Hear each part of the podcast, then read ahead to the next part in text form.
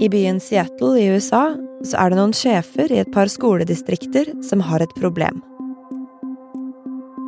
Når de ser på tallene og økonomien sin, så lyser det problemet mot dem.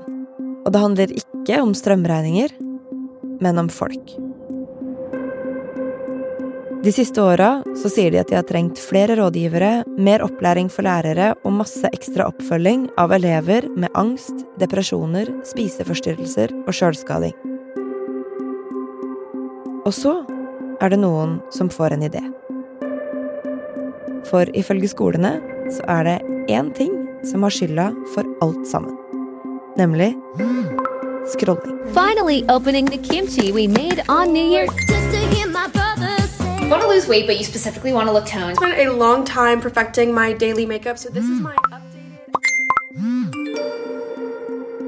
Så nå har de saksøkt gigantene som eier sosiale medier. Kan de vinne? Jeg heter Anne Lindholm, og du hører på Forklart fra Aftenposten.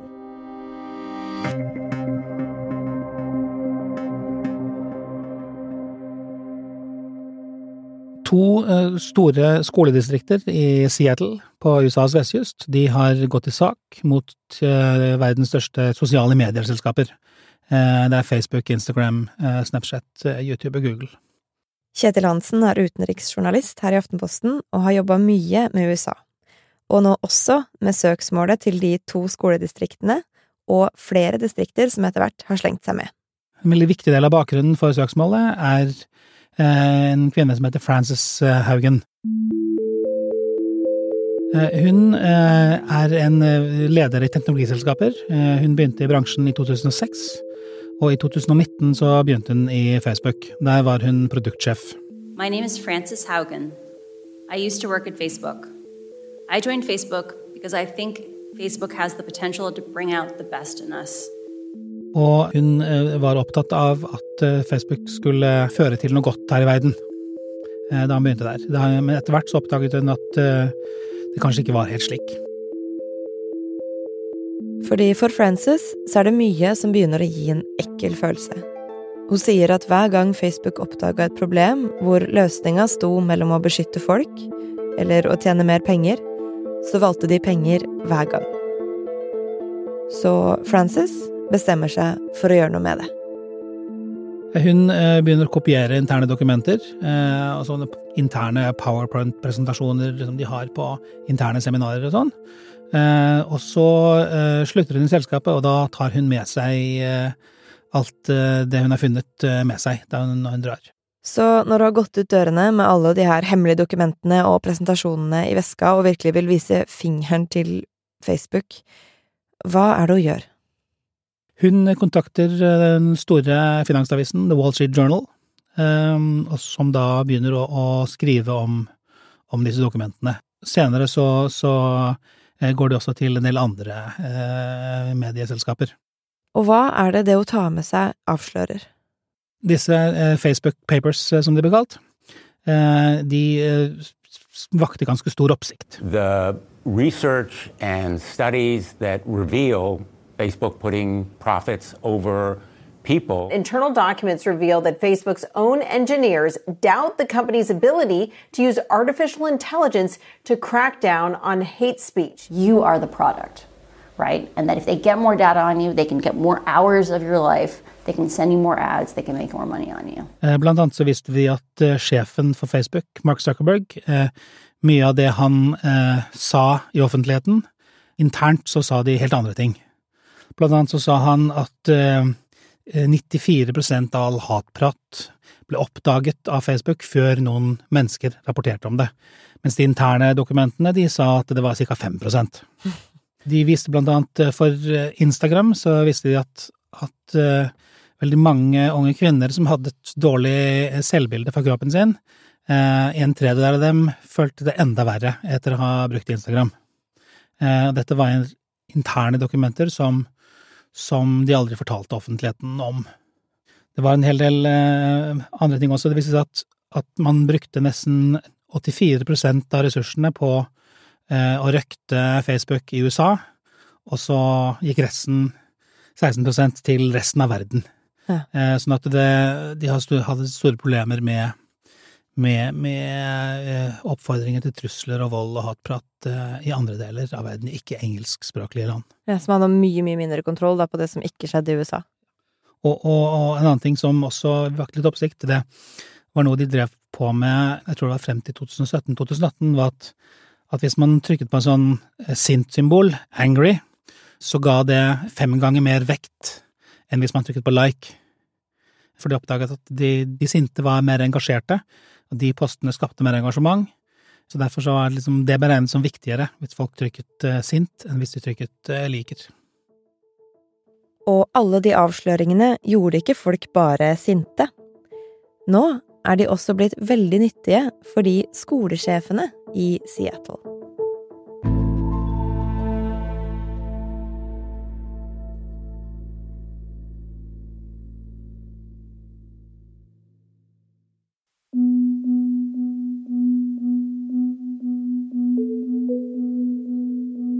Ok, så Frances Haugen har printa ut og tatt med masse hemmelige dokumenter og screenshots av powerpoints og jeg vet ikke hva fra Facebook.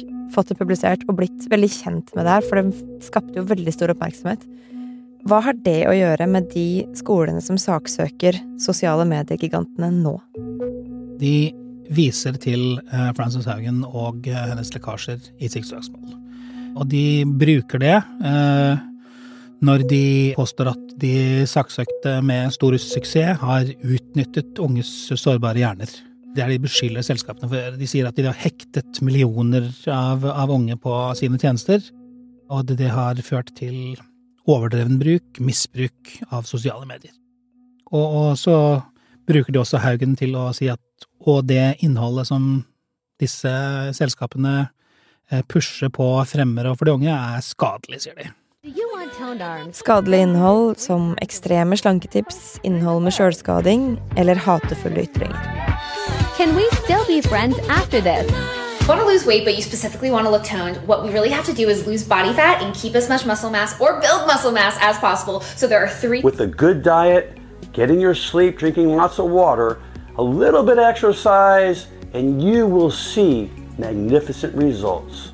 Det mener de at eh, disse selskapene de fremmer dette innholdet sånn at så mange som mulig får se det, og det bidrar til da en, en mental helsekrise blant ungdom. Og hva, hva er det skolene vil få ut av det? Ja, de sier jo selv i søksmålet at vi er ikke ute etter å eh, få vekk sosiale medier eller legge det ned eller noe slikt. Det er to ting eh, de, de ønsker å få ut av søksmålet sitt. Det ene er at disse selskapene endrer forretningsmodell, og det andre er at de får erstatning, sånn at de kan betale for eh, bedre helsesøstertjenester på skolen, eh, bedre undervisning, mer lærekrefter. Mm. Men her snakker vi jo altså om verdens kanskje aller mektigste selskaper. Det er eierne av Facebook, Instagram, TikTok, YouTube og Google mot to små skoledistrikter i Seattle i USA. Hva er det som blir utfordringa til skolene her? Det som er vanskelig for dem, er at eh, det finnes en regel i USA som sier at disse plattformene er skjermet fra, fra å stå ansvarlig for det innholdet som noen poster hos dem. Og, og, og tankegangen er der er jo at før så kunne man ikke, eh, hvis noen ringte og truet deg på telefonen, så kunne man ikke saksøke telefonselskapet for det. Og tankegangen er det samme, er det samme her. Det er det argumentet de bruker nå, og det de bruker for å forsøke å få saken avvist eh, helt og holdent. Ja, og i USAs president Joe Biden sin kanskje viktigste tale i fjor, eh, State of the Union, så nevnte han jo også det han mener er skadelig med sosiale medier. As Frances Haugen, who is here tonight with us, has shown, we must hold social media platforms accountable for the national experiment they're conducting on our children for profit. Så her har skolene Biden på sin side, og de har disse rapportene fra Frances Haugen. Men som du sa, selskapene har blitt beskytta før av den loven som sier at de ikke har ansvar for det folk sier og gjør, bare fordi de har plattformen de gjør det på. Er det realistisk at skolene kan få til noe her? Ja, de har funnet en, en litt snedig vei inn i dette her. De sier at eh, ja, vi saksøker ikke dere fordi, for eh, at folk har skrevet noe dumt på, på plattformen deres. Vi saksøker fordi dere har en algoritme som pusher mer av dette innholdet på personer som er sårbare.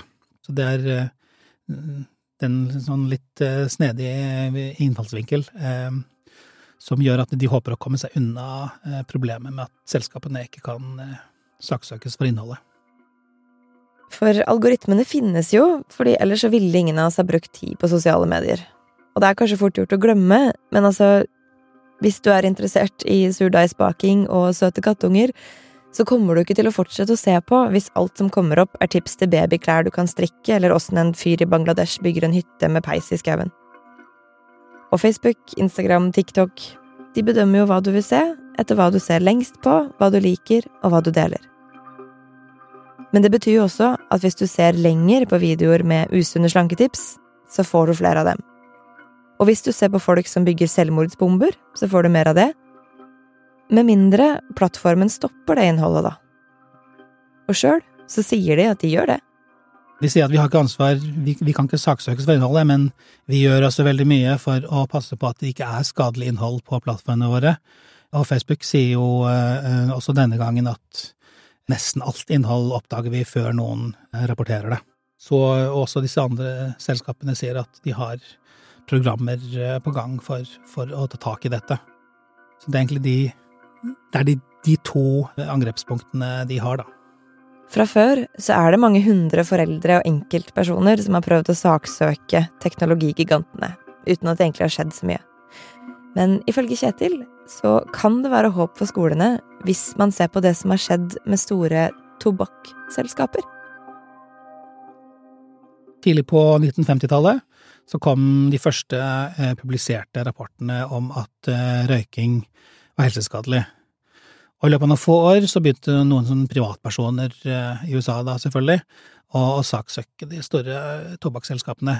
Disse sakene de førte ikke egentlig noe særlig sted hen, men det de bidro til, var at når folk fikk føre en sak for domstolen, så kunne de ha bevisopptak hos selskapene. Og så kom det ut etter hvert ganske mye av selskapenes interne eh, rapporter, og det kom eh, store avsløringer om hva tobakksselskapene visste om hvor skadelig produktet deres var, eh, mens de drev og sa det motsatte til offentligheten.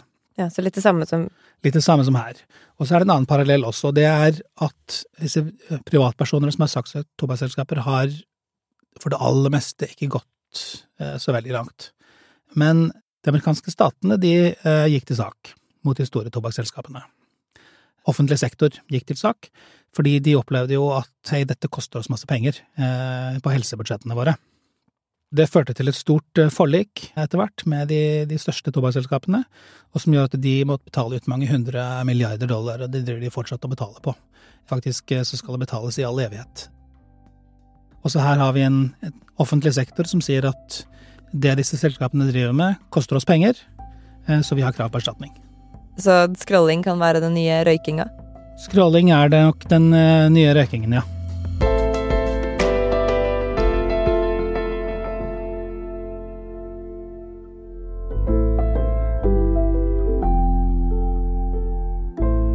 Du hørte utenriksjournalist her i Aftenposten Kjetil Hansen fortelle om skolene som saksøker de store teknologiselskapene.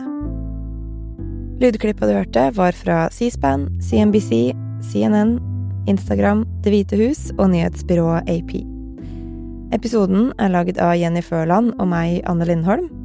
Og resten av Forklart er Synne Søhol, Anders Weberg, David Vekoni, Philip A. Johannesborg og Marit Eriksdatter Gjelland.